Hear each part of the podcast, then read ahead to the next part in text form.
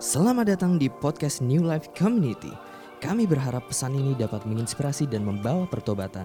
Kami berdoa Anda dapat merasakan Tuhan bekerja secara nyata dalam hidup Anda. Selamat mendengarkan.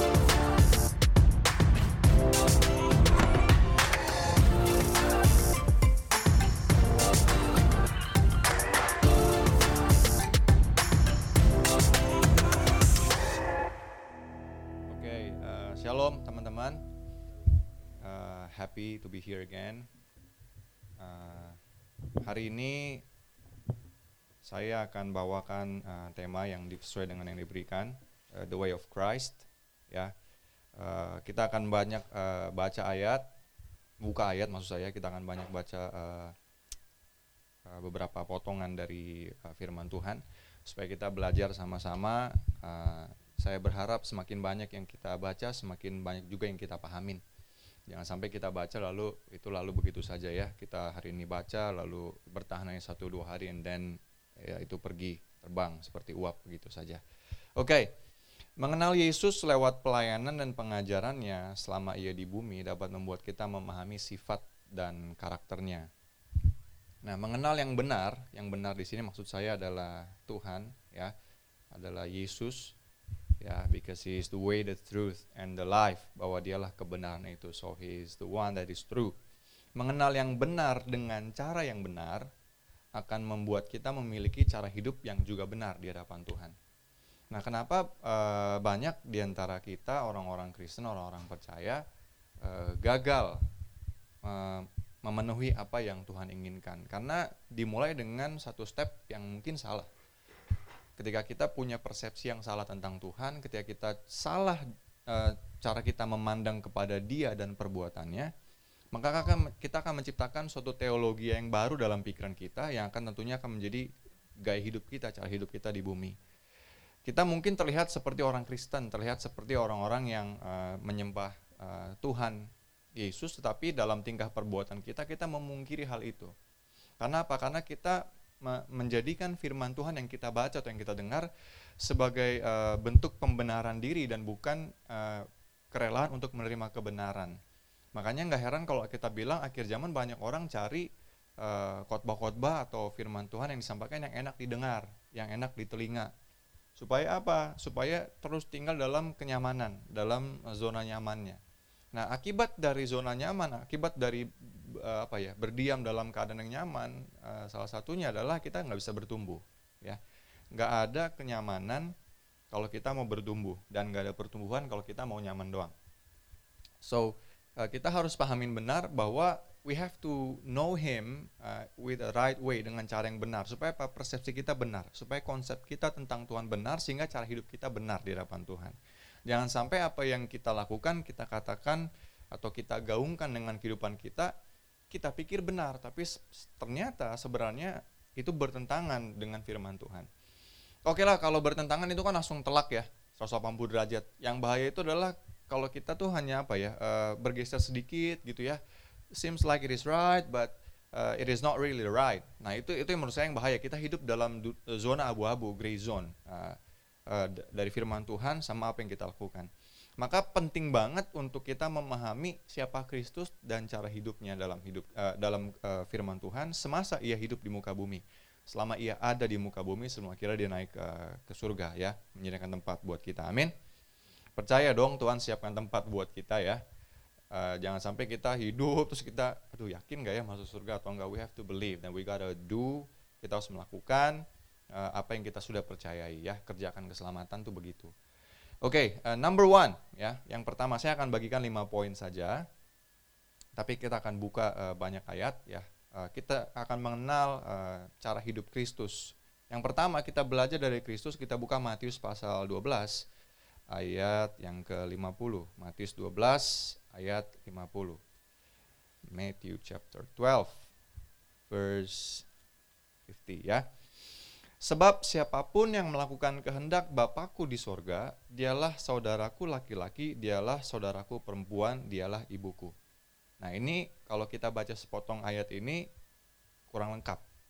Kita mungkin akan berpikir, uh, maksudnya apa sih ngomong gini? Makanya kita baca konteks atau ayat uh, satu perikop ini, Yesus dan sanak saudaranya Ketika Yesus masih berbicara dengan orang banyak itu, ibunya dan saudara-saudaranya berdiri di luar dan berusaha menemui dia. His mom and his brothers. Ya. Maka seorang berkata kepadanya, lihatlah ibumu dan saudara-saudaramu ada di luar dan berusaha menemui engkau. Tetapi jawab Yesus kepada orang yang menyampaikan berita itu kepadanya, siapa ibuku dan siapa saudara-saudaraku? Lalu katanya, sambil menunjuk ke arah murid-muridnya, ini ibuku dan saudara-saudaraku. Sebab siapa pun yang melakukan kehendak Bapakku di surga, dialah saudaraku laki-laki, dialah saudaraku perempuan, dialah ibuku. Ini kan sepertinya terkesan Yesus sengak ya. Loh itu jelas-jelas ibunya, jelas-jelas saudaranya. Terus dia bilang, siapa ibuku, siapa saudaraku? Ini nih, mereka yang melakukan kehendak Bapakku. Seolah-olah Yesus tuh, saya nggak tahu ya perasaan ibunya atau saudara-saudaranya saat mendengar itu ya. Kayak, what? I, I am your mom. I am your brothers we are your brothers gitu kan. Uh, mungkin mungkin saja, mungkin saja mereka yang mendengarnya saat itu uh, tersinggung. I, I don't know, we don't know ya.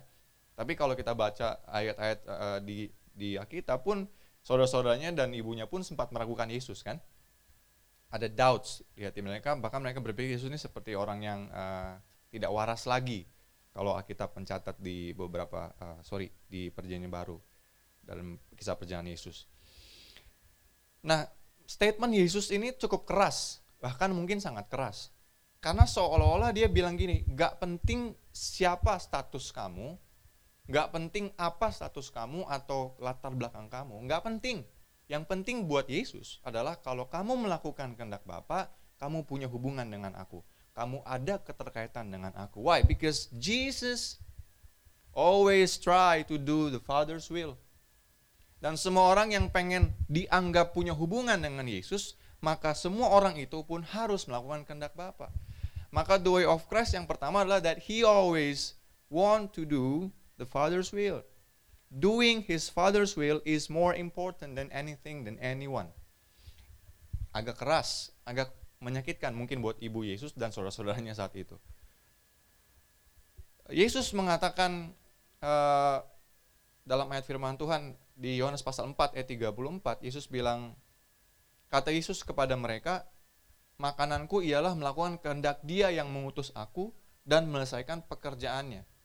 Yang pertama Yesus uh, berusaha seolah-olah ya, seolah-olah mendiferensiasikan antara hubungan secara uh, jasmani lahiriah dengan hubungan secara rohani dengan Yesus. Bahwa se sebenarnya yang dianggap oleh Yesus adalah mereka yang melakukan kehendak Bapa. Lalu di Yohanes pasal yang keempat, ketika Yesus bertemu dengan perempuan Samaria, murid-muridnya pergi ke kota mencari makan, Yesus berbicara dengan perempuan Samaria dan akhirnya memenangkan si perempuan Samaria itu, akhirnya dia balik ke Samaria, eh sorry ke kotanya.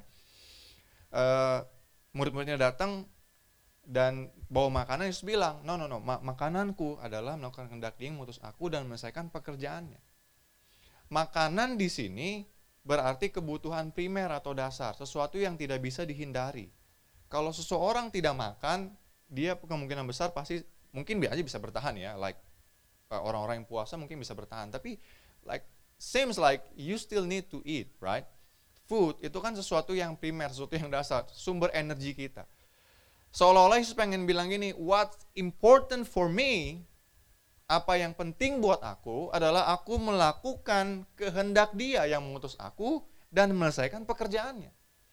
Yang pertama Yesus bilang, orang-orang yang punya hubungan dengan aku adalah mereka melakukan kehendak Bapa. Yang kedua Yesus bilang, yang terutama dalam hidupku adalah aku melakukan kehendak Bapa, melakukan kehendak Dia yang mengutus aku dan menyelesaikannya.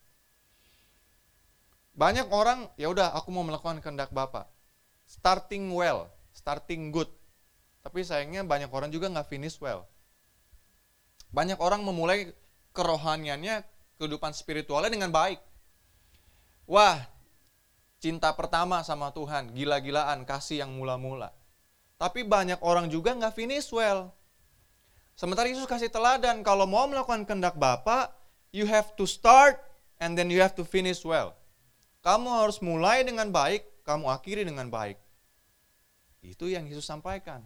Menyelesaikan pekerjaannya. Bukan cuma sekedar mulai melakukan kehendak Bapa, mulai melakukan panggilan Tuhan dalam hidup kita, tapi kita nggak menyelesaikannya dengan baik. Seorang utusan wajib melakukan apa yang diperintahkannya dan harus menyelesaikannya dengan baik. Itu konsep yang berusaha Yesus berikan. Melakukan kehendak Bapa yang pertama adalah itu suatu hal yang primer, suatu hal yang mendasar dalam kehidupan Yesus. Yang kedua, Yesus pun harus menyelesaikan kehendak Bapa. Bukan cuma sekedar memulai dan melakukannya setengah-setengah, but he has to finish it well. Dan itu yang harus kita lakukan. Apakah Yesus telah selesai melakukan kehendak Bapa? Guys, jawabannya sudah. Waktu Yesus mati di kayu salib, right? Yohanes 19:30. Sesudah Yesus meminum anggur asam itu berkatalah, "Iya, sudah selesai lalu menundukkan kepalanya dan menyerahkan nyawanya. Yohanes pasal 19 ayat 30. Pekerjaan Yesus sudah selesai ketika ia mati di kayu salib. Bagaimana dengan kita? Yuk kita buka Lukas 10. Lukas 10 ayat yang ketiga. Lukas 10 ayat yang ketiga bilang begini. Ini saya sih tahu ayat ini waktu saya sekolah minggu ya, nggak tahu teman-teman ya. Lukas 10 ayat 3, Pergilah sesungguhnya aku mengutus kamu seperti anak domba ke tengah-tengah serigala. Jadi Yesus sang utusan telah menyelesaikan tugas pekerjaannya. Kemudian dia mendelegasikan ya, memberikan suatu warisan, suatu mandatori tugas kepada kita, sang utusan setelah Yesus naik ke surga. Maka kalau kita meneladani apa yang Yesus lakukan, kita pun harus melakukan kehendak Bapa menjadi utusan yang Yesus berikan uh, yang Yesus uh, apa delegasikan kepada kita kepada dunia dan kita pun harus menyelesaikan tugas panggilan yang Tuhan berikan sama kita. Terserah apa pun bentuk panggilan Tuhan dalam hidupmu dan hidupku, yang penting kita sesuai dengan yang Tuhan mau. Sempurna itu kan sesuai dengan kapasiti masing-masing. Makanya Yesus kan kasih perumpamaan ada yang dapat talenta 1, 2, dan 5 Bukan berarti yang lima jadi sepuluh itu yang sempurna. Karena dua jadi empat pun juga sempurna. Tapi yang satu nggak jadi apa-apa, itu yang nggak sempurna. Jadi panggilanmu sesuai dengan kapasitasmu harus kamu selesaikan dengan sempurna. Baik kamu dan saya, kita berhutang sebenarnya sama Tuhan untuk melakukan apa yang jadi kehendak dia. Why? Waktu Yesus menebus kita, ya, menghapuskan atau merobek surat hutang itu sesuai dengan ada kitab di Kolose, kita yang tadinya budak dosa, kita pun sekarang menjadi hamba Allah. Kita yang tadinya berhutang karena dosa, kita pun sebenarnya juga berhutang karena anugerah Tuhan. Tetapi yang hebat adalah Yesus tidak pengen atau Allah Bapa tidak menginginkan kita mati buat dia saja. Karena banyak juga orang yang mati buat Tuhan jadi martir. Tapi yang lebih berat menurut saya adalah kalau e, ketika dia menuntut kita untuk hidup buat dia. Dan itu yang lebih berat. Itulah yang Paulus lakukan sampai dia bisa berkata, bagiku hidup adalah Kristus dan mati adalah keuntungan mati akan menjadi sebuah keuntungan bagi orang percaya ketika dia memang sudah sungguh-sungguh hidup buat Kristus. Makanya ketika kematian datang dia nggak pernah takut. Tapi bagi kita yang hidup asal-asalan, hidup setengah-setengah, pelayanan cuma kamuflase supaya kelihatan rohani, atau kita nyanyi, atau kita apa mimpin sel grup dan segala macam hanya sebatas uh, apa ya alternatif activities gitu ya kan banyak yang kayak gitu ya kita pasti takut ketika ajal mau menjemput kita ketika eh saya beritahu ya either kita yang either Tuhan yang datang ke kita menjemput kita atau kita yang balik ke dia loh. Sebelum dia datang kembali kedua kali ya. Dan dan kita bahkan sangat ketakutan ketika hal itu tiba kalau kita nggak hidup sungguh-sungguh buat Tuhan. Nah, itu yang berusaha Paulus sampaikan kepada jemaat bagiku hidup adalah Kristus mati adalah keuntungan. I can say that because I live for Christ. Melakukan kehendak Allah hidup bagi Kristus itu dimulai ketika apa? Ketika kita menerima kerajaan Allah dan ketika kita tunduk kepada kerajaan Allah itu. Ketika kita menerima kehendak Allah lewat pengajaran Yesus yang kita bisa baca di Alkitab dan kita mau tunduk di dalamnya. Banyak orang mau datang sama Kristus, sama Yesus, tapi nggak banyak yang mau tunduk dengar-dengaran sama Kristus. Akhirnya apa? Boro-boro ngelakuin kehendak Bapak. Mengerti aja kehendak Bapak nggak tahu. Karena nggak mau tunduk nggak mau submit. Penting banget penundukan diri ketika kita baca Alkitab setiap hari, ketika kita dengar khotbah setiap hari Minggu. Punya sikap rendah hati untuk tunduk kepada firman itu penting. Karena kalau kita nggak punya kerendahan hati terhadap firman, kita akan jadi seperti ahli Taurat, menuding orang. Ahli Taurat kan merasa dirinya yang paling benar. Padahal kita mengatakan tidak ada seorang pun yang benar. Semua orang berdosa. Tapi selama tiga setengah tahun dalam kehidupan Yesus itu terbukti banget kan orang Farisi mudah sekali menuding orang lain berdosa. Mengklaim orang lain berdosa. Why? Karena nggak punya sense of humility karena hati mengatakan bahwa oh ya I am a sinner too. That God forgives me. Bahwa Tuhan sudah mengampuni aku juga dan everyone is same. Kita semua pendo pendosa kita semua orang berdosa dan kita semua punya kesempatan untuk menjadi orang benar ketika Yesus mati di kayu salib. That's number one doing the Father's will yang kedua yang kedua apa sih yang kita bisa pelajari dari cara hidup Kristus dari pengajarannya humility kerendahan hati Matius 23 ayat 12. Matius pasal 23 ayat 12. Uh, ah, Yesus mengatakan begini. Matius 23 ayat 12. Dan barang siapa meninggikan diri, ia akan direndahkan dan barang siapa merendahkan diri, ia akan ditinggikan. Menurut saya ini paradoks ya. Uh, logika terbalik lah kalau pengajaran Yesus. Kalau dunia kan mengajarkan berlomba-lomba untuk jadi yang terbaik jadi orang yang paling dipandang, paling berpengaruh, jadi orang yang paling uh, apa ya, paling top lah. Tapi kok Yesus malah ngajarin lu jangan pengen ditinggikan. Karena kalau kamu pengen ditinggikan, kamu pasti direndahkan. Kalau kamu meninggikan dirimu apalagi, kamu pasti direndahkan. Seolah-olah Yesus pengen ngajarin bahwa the position there is not important. Itu nggak penting. Sama sekali nggak penting untuk jadi orang yang paling utama di muka bumi. Sama sekali nggak penting. Karena balik lagi ke awal, yang utama itu melawan kehendak Bapa. Alkitab mengatakan bahwa manusia itu seperti debu. Kejadian pasal 27 kan bilang manusia bahkan ciptakan dari debu tanah. Itu udah dasar utamanya. Kok orang bisa ya sombong bangga? Wah, lu mah apalah, gue gua kaya, gue pinter, gue ganteng, gue cantik. Remember, We were all dust. Kita semua debu. Ketika Allah memutuskan untuk membentuk manusia dari debu tanah,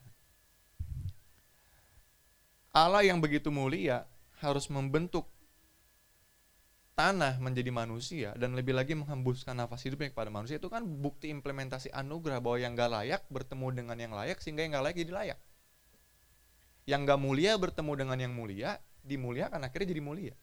Lalu kenapa masih ada manusia-manusia yang berusaha meninggikan dirinya dan merendahkan orang lain? You know, you will never be great. Lu nggak akan pernah bisa jadi gede, bakal jadi big. Hanya karena lu making someone else look small. Gak bakal. Lu nggak bakal kelihatan keren kalau lu merendahkan orang lain, gak bakal. Nggak gitu caranya. Waktu Yesus panggil murid-muridnya, ya, waktu Yesus panggil murid-muridnya, murid-muridnya mengikuti Yesus itu bukan cuma sekedar ikut dalam pelayanan doang. Yang Yesus mau adalah mereka pun juga mengikuti karakter dan teladan Kristus. Makanya kan ketika dia basuh kaki murid-muridnya kan dia bilang, aku menjadi teladan, aku yang adalah Tuhan dan gurumu, aku basuh kakimu. Kita pun harus mengikuti keteladanan Yesus. Matius 11 ayat 28 sampai 30 kan bilang kan pikul kuk yang kupasang dan bla bla bla belajar padaku karena aku lemah lembut dan rendah hati. Lah kalau Yesus rendah hati, the God Almighty ya, kok kita sombong? Kalau Yesus yang begitu luar biasa, yang istilahnya cuma dengan menjentikan jari aja bisa panggil dua batalion malaikat buat nyelamatin dia ke Taman Getsemani, kok kita sombong? Yesus yang punya segala sesuatu, ya yang saking kayaknya sampai nyimpen duit di mulut ikan, ya, you know, he is very humble. Sangat rendah hati. Lalu kenapa kita baru diangkat posisi di kantor aja udah sombong? Baru naik taraf hidup kita aja, apa income kita naik kita mulai sombong. Eh kalau kita income kita naik tuh harusnya kita juga naikin kadar kita untuk memberi. Kamu diber, kita diberkati untuk jadi berkat, bukan diberkati untuk menyenangkan diri kita sendiri. Ya, kalau Yesus rendah hati, kita harus rendah hati. Satu yang 26 bilang apa? Barang siapa mengaku di dalam dia wajib hidup sama seperti Kristus telah hidup. Kita mengaku aku di dalam engkau dan engkau di dalam aku Tuhan. Tapi kita nggak menghidup seperti Kristus, omong kosong. We gotta live like Jesus lived. Ya, that's number two. Yang ketiga, apa sih yang kita bisa pelajari dari pengajaran dan pelayanan Yesus? Forgiveness. Ini yang paling keren. Ini main core-nya pelayanan Yesus di muka bumi, pengampunan. Markus 11 ayat 24 sampai 25. Uh, ini menarik nih ayat ini. Karena itu aku berkata kepadamu apa saja yang kau minta dan doakan percayalah bahwa kamu telah menerimanya maka hal itu akan diberikan kepadamu. Kalau kita baca sepotong ngomongin doa udah itu doang. Tapi ternyata Yesus sambungin dan dan itu kan conjunction. Ya kan yang menyambungkan antara satu frase dengan frase yang lain, betul? Uh, itu belajar bahasa Indonesia di sekolah dulu kan. Kecuali kalau kamu sekolah di luar negeri kamu nggak belajar bahasa Indonesia. Tapi ada conjunction juga ya, and, then, ya itu kan conjunction. Dan jika kamu berdiri untuk berdoa, berdiri untuk berdoa itu bukan berarti you stand up for yourself enggak. Memang postural saat itu orang Yahudi kalau berdoa pasti berdiri. Dan berdiri untuk berdoa, ampunilah dahulu sekiranya ada barang sesuatu dalam hatimu terhadap seseorang supaya juga Bapamu yang di sorga mengampuni kesalahan-kesalahanmu. What is the connection between our prayer and our forgiving heart to other people? Apa hubungannya doa kita dengan hati kita yang mau mengampuni orang yang bersalah kepada kita? What is the connection? Why? Kenapa Yesus sambungkan ini? Seolah-olah bahwa no no you cannot ask anything in your prayer unless you forgive those who who makes you hurt, whatever. Seolah-olah Yesus ngomong seperti itu. Supaya kita ketika berdoa itu punya hati yang tulus, hati yang murni. Mengampuni orang adalah bukti bahwa kita orang-orang yang telah diampuni. Betul, itu hal yang lumrah kita ketahui. Pengampunan pun membuat hati kita bersih dan tulus saat berdoa. Bahkan ketika Yesus bilang, waktu lu berdoa, waktu kamu berdoa, bereskan dulu ampuni orang yang bersalah sama kamu. Kita dipaksa untuk berdoa bagi orang itu. Mau nggak mau, betul nggak? Tuhan aku mengampuni dia. Amin. Nggak ada doa aku mau mengampuni begitu doang nggak. Pasti mau nggak mau dengan hati yang berat kita dipaksa untuk memberkati orang yang menganiaya dan bersalah kepada kita. Maka ini inline dengan pengajaran Yesus yang lain di Matius 5 ayat 44 dan Lukas 6 ayat 28 yang bilang apa? Berdoa bagi orang yang bersalah kepada kita, berdoa bagi mereka yang mengutuk kita. Kalau kamu mau berdoa, kan keren banget di ayatnya kan? Percayalah bahwa kamu telah menerimanya, maka hal itu akan diberikan kepadamu. Ini kan doa untuk kita, fokus utamanya kita. Tapi ketika Yesus bilang, you have to forgive first. Kamu harus mengampuni dulu Seolah-olah yang utama adalah you pray for those, for other people first, especially those who hurt you. Which is really hard. I want to pray for myself. I want to stand up for myself. I got to have this, I got to do this, and I got some struggle here. And why you ask me to pray for them? I forget about what they did to me. Kita suka bilang gitu kan, aku udah lupain kok Tuhan, tenang aja. Udah aku maafin. But deeply in our heart, God knows our heart, we don't really forgive them. And that's why always be a reminder. Makanya itu selalu jadi reminder buat kita. Check your heart. Check your heart. Periksa hatimu. Selidiki hati kita. Whether we forgive other or not. Kita dituntut untuk doain orang dulu. Baru kita berdoa buat diri kita. Kita dituntut untuk berkati mereka dulu. Dalam doa-doa kita. Baru kita berdoa buat doa kita. And then whatever you ask. Apa pun yang kamu minta. Tuhan berikan pasti. Why? Karena kamu udah satu frekuensi dengan Tuhan karena kamu dan saya udah punya hatinya Tuhan. Otomatis kalau kita udah punya hatinya Tuhan dalam konteks mengampuni dan kita menjadi satu dengan Tuhan, nggak mungkin kita doa yang macam-macam. Makanya Yakobus bilang kan, kenapa kamu nggak mendapatkan yang kamu doakan? Yang pertama kamu nggak berdoa, yang kedua kamu salah berdoa. Kamu berdoa untuk memuaskan keinginan nafsumu, makanya doamu tidak pernah dijawab. Ya gimana mungkin orang berdoa uh, apa ya tidak digerakkan oleh hawa nafsunya kalau dia nggak punya dulu satu hati dengan Tuhan? Ya nggak mungkin kalau hati kita sama dengan Tuhan, pasti doa kita bukan buat tentang diri kita doang. Pasti buat orang lain. Bahkan mungkin ya, kita berdoa, kita lupa mendoakan diri kita, malah kita banyak berdoa buat orang lain. Hari-hari ini banyak orang yang uh, minta nitip, kok tolong doain dong kok, gue lagi mau cari pekerjaan, kok tolong doain kok, keluarga gue lagi gini, dan bla bla bla bla bla. Uh, I spend my uh, morning prayer, doa pagi saya uh, beberapa waktu belakangan ini lebih banyak bersyukur dan berusaha mengingat mereka dalam uh, doa saya di pikiran hati saya. Sekalipun kalau diucapkan dari mulut akan panjang, saya berdoa dalam hati. I pray for them buat pekerjaan mereka. Ya puji Tuhan satu persatu satu persatu mereka mulai overcome struggle mereka dan mereka mulai uh, apa mendapatkan jawaban atas doa-doa mereka. Sometimes Tuhan bawa kita untuk berdoa or buat orang lain melebihi uh, kita untuk berdoa kepada di, wah, untuk, untuk diri kita sendiri. sometimes kita forget to to pray for ourselves when we forget for the people. Itu itu kalau saya, saya nggak tahu kalau teman-teman ya. Cuma kadang-kadang kayak oh I prayed uh, too long for these guys. Uh, that I forget to pray for myself. Tapi ternyata Tuhan dengar dan Tuhan pelihara tetap. Uh, saat kita berdoa, kita datang kepada Tuhan, kita harus menanggalkan segala beban kita. Ya, salah satunya adalah kepahitan. Salah satunya adalah rasa kecewa. Supaya apa? Supaya doa kita dijawab Tuhan, didengar Tuhan. Karena apa? Karena kita didapatinya punya hati yang sama seperti dia. Yang keempat, apa yang kita bisa dapatkan dari kehidupan pelayanan pengajian Yesus? Ini juga keren menurut saya sih. Assurance of tomorrow, ya, jaminan akan hari depan. Matius 6 ayat 31 sampai dengan 34. Matius 6 31 sampai dengan 34. Ini juga di sekolah minggu sering banget diomongin. Matius 6, 31 sampai dengan 34. Sebab itu janganlah kamu khawatir dan berkata apakah yang akan kami makan, apakah yang akan kami minum, apakah yang akan kami pakai. Semua itu dicari bangsa-bangsa yang tidak mengenal Allah, akan tetapi Bapamu yang di sorga tahu bahwa kamu memerlukan semuanya itu. Tetapi carilah dahulu kerajaan Allah dan kebenarannya, maka semuanya akan ditambahkan kepadamu.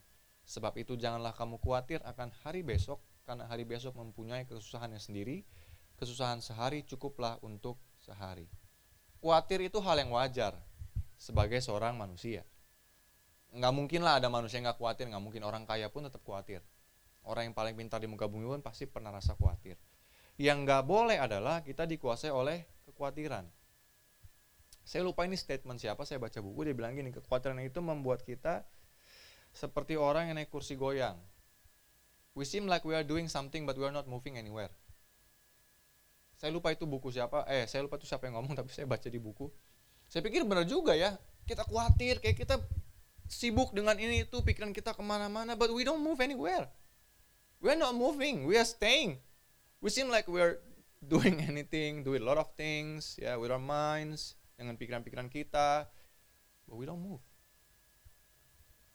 Dan Tuhan nggak pengen kita khawatir. Kenapa? Kita nggak boleh khawatir sebagai orang percaya. Karena kita kenal siapa Allah kita. Kita tahu bahwa dia Bapa yang memelihara kita. Dan kita percaya bahwa Bapa peduli kepada kita. Ya cukup aneh sih kalau kita mengaku mengenal dia tapi kita masih sering dikuasai kekhawatiran. Saya bilang khawatir wajar loh. Tapi dikuasai kekhawatiran itu yang nggak boleh. Itu bakal merusak hari. yang perlu dikhawatirkan itu adalah bagaimana kita berjuang mencari kerajaan Allah. Bagaimana kita mencari dan melakukan kebenaran itu. Itu yang harusnya kita pikirkan, lebih ke situ. Kenapa? Karena tadi sudah bilang, Tuhan bilang, cari dulu kerajaan Allah dan kebenarannya, maka semuanya itu akan ditambahkan kepadamu. Seolah Tuhan bilang gini, udah you jangan pikirin itu, nggak usah. I care for you, I will provide anything you need. What you gotta do, what you gotta think adalah kerajaan Allah dan kebenarannya. Itu assurance, itu jaminan yang Tuhan kasih. Kalau kamu attach sama kingdom of God, kamu attach kepada kebenaran akan kerajaan Allah itu, you don't have to be worry about anything else. Ini mungkin omongannya terlalu ngambang-ngambang. Akan ngambang kalau kita nggak ngalamin. Akan beyond our thoughts kalau kita nggak ngalamin. Dan kita nggak akan ngalamin kalau kita nggak putuskan untuk melakukan apa yang Tuhan perintahkan. Taat sama apa yang Tuhan perintahkan. Cari kerajaan Allah, maka Tuhan akan berikan. Nih Markus 1 ayat 40 sampai 45. Markus 1 ayat 40 sampai 45 ini tentang orang kusta. Yesus menyembuhkan seorang yang sakit kusta. Seorang yang sakit kusta datang kepada Yesus dan sambil berlutut di hadapannya ia memohon bantuannya. Katanya, kalau engkau mau, engkau dapat mentahirkan aku. Maka tergeraklah hati Yesus, hatinya oleh belas kasihan. Lalu ia mengulurkan tangannya menjamah orang itu dan berkata kepadanya, aku mau jadilah engkau tahir. Seketika itu juga lenyaplah penyakit kusta orang itu dan ia menjadi tahir. Segera ia menyuruh orang itu pergi dan dengan peringatan keras, ingatlah jangan engkau memberitahukan apa-apa tentang hal ini kepada siapa pun, tetapi pergilah, perlihatkanlah dirimu kepada imam dan persembahkanlah untuk pentahiranmu persembahan yang diper, diperintahkan oleh Musa sebagai bukti bagi mereka. Tetapi orang itu pergi memberitakan peristiwa itu dan menyebarkannya ke mana-mana sehingga Yesus tidak dapat lagi terang-terangan masuk ke dalam kota. Ia tinggal di luar di tempat-tempat yang sepi, namun orang terus juga datang kepadanya dari segala penjuru. Orang kusta pada masa itu dianggap najis, terbuang dari masyarakat. Seorang yang dianggap kena kutuk, tidak ada masa depan bagi orang kusta pada masa itu. Nggak tahu pada masa sekarang apakah dunia medis modern bisa menyembuhkan orang kusta. Tapi at that moment, pada masa Yesus ada di muka bumi, orang Israel, orang Yahudi, kalau orang udah sampai kusta, itu udah nggak punya pengharapan. Nggak punya masa depan. Boro-boro mikir masa depan. Sekarang aja dia udah nggak bisa ngapa-ngapain. Terbuang dari masyarakat, sampah masyarakat. Termasuk si orang kusta ini hidup dengan tidak punya pengharapan. Mungkin dia akan mikir, kenapa ya aku bisa kusta? Aku salah apa? Kebanyakan orang kusta pada masa itu kalau kita baca, pasti blame himself, blame herself. Dan bahkan mereka harus bilang najis, najis, najis kan. Kalau keluar ketemu orang mereka harus bilang ambil uh, najis, najis, najis ke dirinya sendiri. Imagine betapa menyedihkannya orang kusta pada masa itu.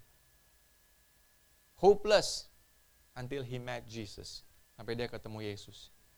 Dan dia dapat assurance of tomorrow. Dapat jaminan akan masa depan, akan hari depannya.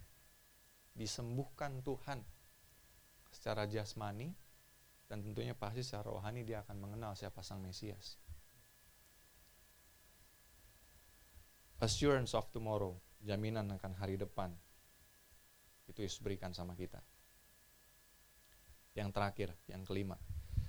Matius 18 ayat 12 sampai 14. Matius pasal 18 ayat 12 sampai dengan 14. Perumpamaan tentang domba yang hilang. Bagaimana pendapatmu jika seorang mempunyai 100 ekor domba dan seekor di antaranya sesat? Tidakkah ia akan meninggalkan yang 99 ekor di pegunungan dan pergi mencari yang sesat itu? Dan aku berkata kepadamu, sesungguhnya jika ia berhasil menemukannya, lebih besar kegembiraannya atas yang seekor itu daripada atas yang ke-99 ekor yang tidak sesat. Demikian juga Bapamu yang di sorga tidak menghendaki supaya seorang pun dari anak-anak ini hilang. So what we can learn from this? Number five, everyone matters. Buat Tuhan, setiap orang berharga. One soul does matter even one person lost berharga buat Tuhan. Bagi Yesus satu jiwa pun berharga. Terutama mereka yang berdosa dan terhilang. Karena Yesus datang bukan untuk orang benar, melainkan untuk orang berdosa. Di Markus 2:17, Yesus mendengarnya dan berkata kepada mereka, "Bukan orang sehat yang memerlukan tabib, tetapi orang sakit. Aku datang bukan untuk memanggil orang benar, melainkan orang berdosa." Salah satu kesalahan fatal orang Farisi dan ahli Taurat adalah bahwa mereka menganggap diri mereka benar dan yang lain orang berdosa. Padahal tadi saya sudah sampaikan di awal Roma pasal 3 10 bilang tidak ada seorang pun yang benar. Ya, tidak ada yang benar, seorang pun tidak. Bagi Yesus satu orang pun berharga dan tidak pernah dianggap tidak penting oleh Yesus. Makanya kan Yesus bilang kan barang siapa datang kepadaku tidak akan kubuang di Yohanes Nah, Markus pasal yang kedua ayat 1 sampai 12 kisah tentang orang lumpuh yang digendong sama teman-teman naik ke atap ya, jebolin rumah orang. Ya, pernah nggak kamu gila-gilaan buat nyelamatin satu orang? Sampai kayak gitu, jebolin atap, bak bak bak turunin orang itu supaya ketemu Yesus. Leaders, come on. Kita harus kayak gitu loh. Gila-gilaan buat nyelamatin satu orang. Buat bawa satu orang ketemu Yesus itu totalitas. Don't be happy what you are doing now harusnya. Selalu jangan pernah puas dengan keadaan sekarang sampai you fight really fight for someone you fight for them ya Markus pasal 2 ayat 1 sampai dengan uh, 12 Markus pasal 2 Kemudian sesudah lewat beberapa hari waktu Yesus datang lagi ke Kapernaum, tersiarlah kabar bahwa ia ada di rumah. Maka datanglah orang-orang berkerumun sehingga tidak ada lagi tempat, bahkan di muka pintu pun tidak, sementara ia memberitakan firman kepada mereka. Ada orang-orang datang membawa kepadanya seorang lumpuh, digotong oleh empat orang. Tetapi mereka tidak dapat membawanya kepadanya karena orang banyak itu. Lalu mereka membuka atap yang di atasnya. Sesudah terbuka mereka menurunkan tilam tempat orang lumpuh itu terbaring. Ketika Yesus melihat iman mereka berkata ia kepada orang lumpuh itu, Hai anakku dosamu sudah diampuni. Tetapi di situ ada juga duduk beberapa ahli Taurat Aneh ahli Taurat ya, benci Yesus tapi ngikutin mulu, dengerin mulu. Ini aneh loh nih, mereka ini.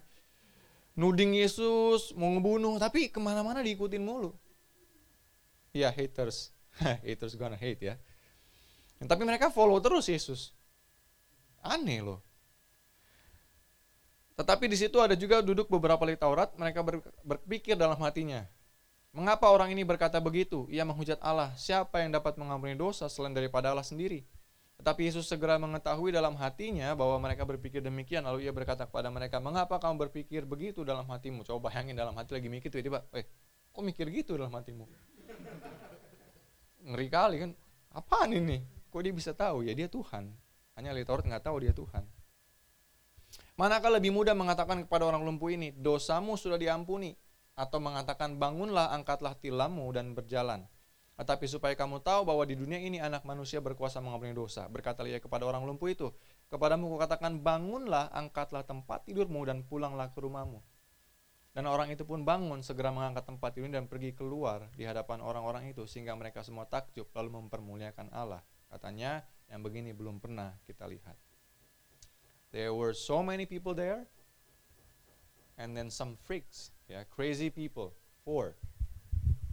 Brought up one man, bawa satu oh, temennya, mau masuk ketemu nggak bisa, bongkar atap rumahnya, turunin. Apakah Yesus menolak dan bilang, woi gue lagi khotbah, ganggu aja lu bongkar-bongkar atap. Enggak kayak gitu. Apakah Yesus bilang, tunggu nganti ngantri waiting list dong waiting list waduh coba bayangin loh kalau Yesus kayak gitu dia malah let's say lah katakanlah Yesus misalnya marah gitu ya karena ngeganggu itu kan ngeganggu dong. Coba bayangin ya Merik lagi khotbah nih. Tiba atap jebol nurunin orang. Pasti keganggu. Tapi karena semua orang berharga di mata Yesus dia nggak marah. Bahkan dia bilang apa? Imanmu telah menyelamatkanmu. Luar biasa banget Tuhan yang kita punya bro. Everyone matters. Bahkan ketika mereka ngeganggu khotbah Yesus, mengajar Yesus, tetap Yesus layani. Perempuan Samaria yang terbuang dari masyarakat, ya kan di Sikar ya. Eh, sorry. Daripada salah, buka aja deh. Ya, di Sikar, terbuang dari masyarakat. Nimba air siang-siang, nggak make sense. Nimba air mah sore kalau nggak pagi. Siang-siang karena nggak mau ketemu orang. Buat Yesus berharga nggak berharga dia datengin. Yesus itu bertindak dengan tujuan, bukan asal-asal lalu ketemu orang. Setiap orang berharga buat Yesus. Orang kusta sendirian juga ketemu dia disembuhin. Siapa pun, everyone matters. Kamu berharga, saya berharga. Kita belajar punya kasih seperti Yesus yang tidak membeda-bedakan. Kita belajar punya belas kasihan seperti Yesus yang gak kenal waktu.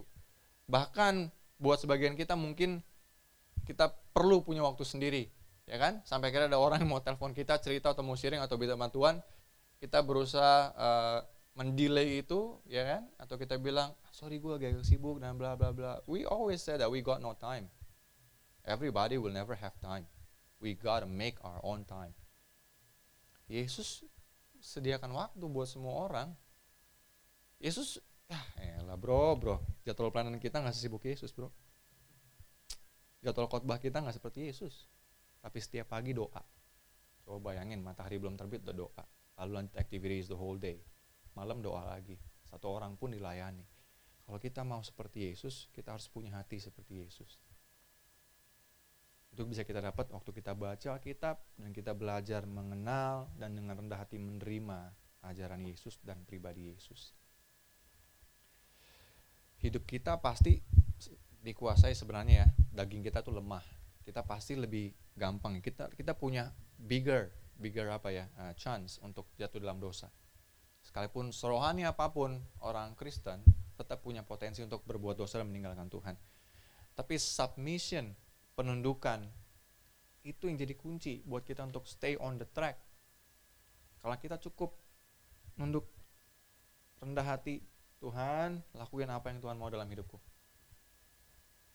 Bahkan lebih gila lagi kalau kita bisa bilang, Tuhan, Tuhan boleh ambil semuanya.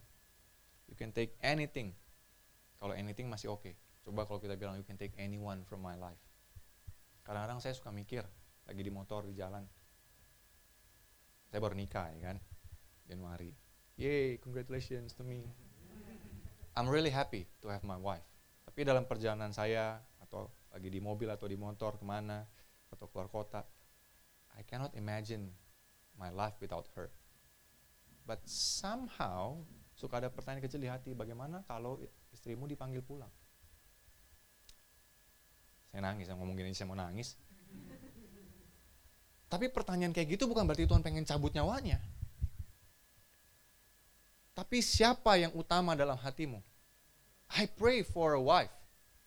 Saya berdoa untuk punya istri. Lalu Tuhan berikan istri.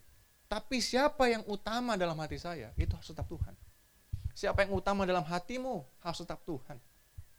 Sampai kita punya hatinya Tuhan, maka kita melakukan kehendak Bapa, ya kan? Kemudian kita juga akan punya kerendahan hati seperti Yesus kita akan punya hati yang mengampuni seperti Yesus. Kalau kita mengerti hati Tuhan, kita nggak bakal khawatir tentang hari depan. Yang lebih parah lagi, kalau kita punya Tuhan, kita akan menganggap semua orang berharga. Karena Yesus menganggap semua orang berharga. Postur hati kita, itu yang harus benar di hadapan Tuhan.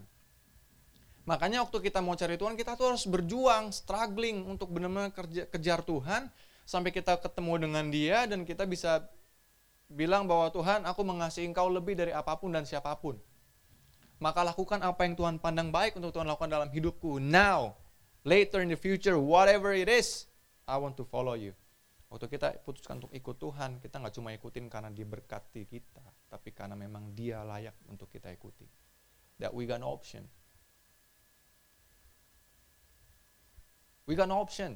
Kita nggak punya pilihan selain ikut Tuhan. Kalau kita pengen punya hidup yang penuh dengan damai sejahtera. You know, crisis, krisis pasti ada.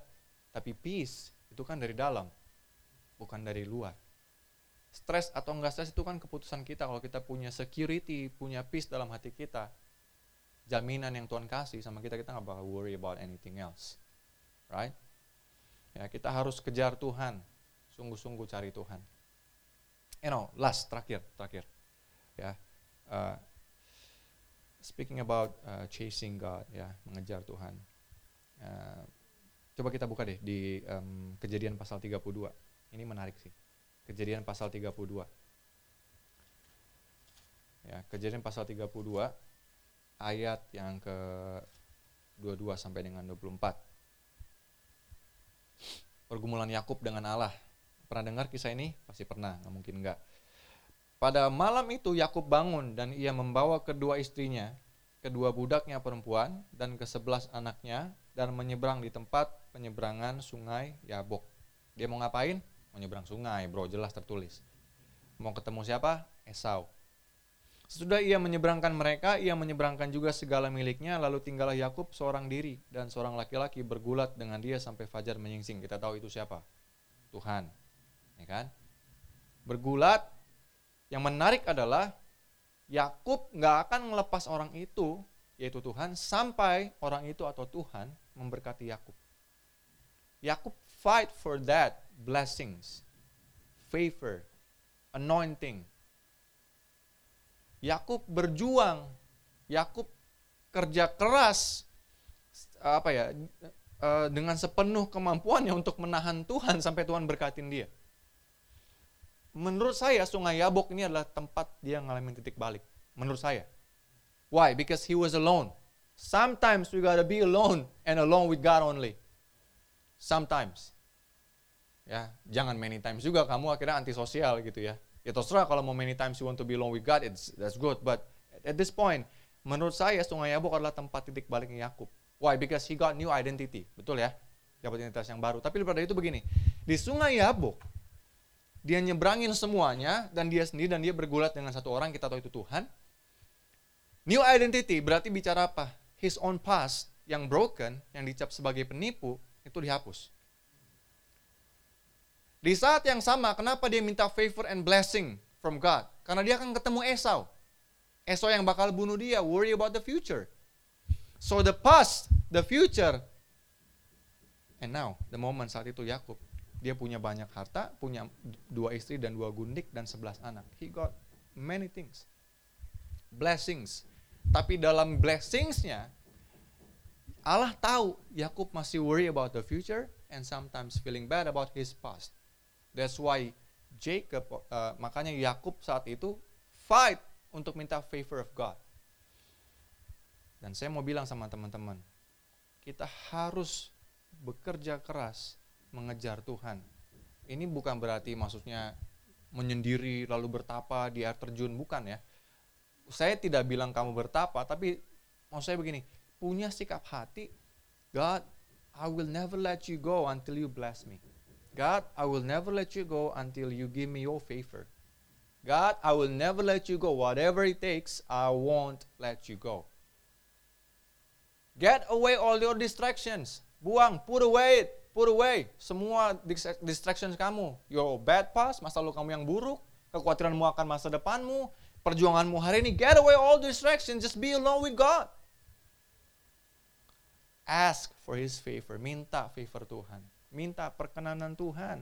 Sebab kenapa? Yesus bilang 15 ayat 5, di luar aku kamu tidak bisa berbuat apa-apa. Udah, di luar dia kita nggak bisa buat apa-apa. Gak ada jaminan apa pun di luar dia. And that's why, kalau kita mau mengasihi Tuhan, kita mau cari Tuhan, kita mau kenal Tuhan, kita harus sungguh-sungguh. Jangan setengah-setengah. Amin. Ya, kita belajar lima poin. The way of Christ. Dan banyak ayat, saya berharap teman-teman gak lupa. Ya, teman-teman, we gotta live according to His words. Ya, yuk kita berdoa. Tuhan terima kasih buat pagi ini. Terima kasih buat firman-Mu yang menegur setiap kami, menguatkan setiap kami. You know, we know that uh, your words are true, bahwa firman-Mu adalah benar, bahwa Engkau adalah jalan kebenaran hidup, dan hanya satu-satunya cara untuk kami berkenan di hadapan Bapa adalah kalau kami hidup seperti Engkau, Tuhan Yesus. Ajar kami untuk melakukan kehendak-Mu. Ajar kami untuk punya kerendahan hati, ajar kami untuk mengampuni. Dan ajar kami untuk percaya sepenuhnya kepada Engkau tidak boleh dikuasai oleh kekhawatiran ajar kami untuk melihat setiap orang berharga karena engkau memandang setiap orang berharga Tuhan kalau engkau mau pakai kami Tuhan biar engkau juga proses kami sempurnakan kami sehingga apa pun yang kami lakukan dan kami kerjakan semuanya mencerminkan engkau. Kami tahu kami representatif engkau di muka bumi saat ini Tuhan karena engkau mengutus kami. Dan kami tahu engkau mengutus kami seperti domba ke tengah-tengah serigala that we know ada banyak mungkin persoalan hidup yang kami hadapi, ancaman dari luar, tekanan hidup. Tapi kami percaya kalau kami berpegang teguh kepada Engkau, kalau kami terus punya kintiman dengan Engkau, kami punya perkenan Engkau, dan kalau kami tinggal dalam Engkau Tuhan, maka kami akan cakap menanggung segala perkara Tuhan. Terima kasih Bapak buat pagi hari ini. Berkati setiap kami, anak-anakmu, baik yang ada di tempat ini maupun yang beribadah secara online. Biar anugerahmu terus melengkapi setiap kami. Terima kasih Tuhan Yesus. Ini doa kami, ini hidup kami masa muda kami kepadamu. Dalam nama Tuhan Yesus kami telah mengucap sudah berdoa. Amin. Terima kasih sudah mendengarkan podcast ini. Kami berdoa Anda diberkati melalui pesan yang telah disampaikan. Mari sapa kami melalui Instagram at dan bagikan pesan ini supaya lebih banyak orang yang diberkati.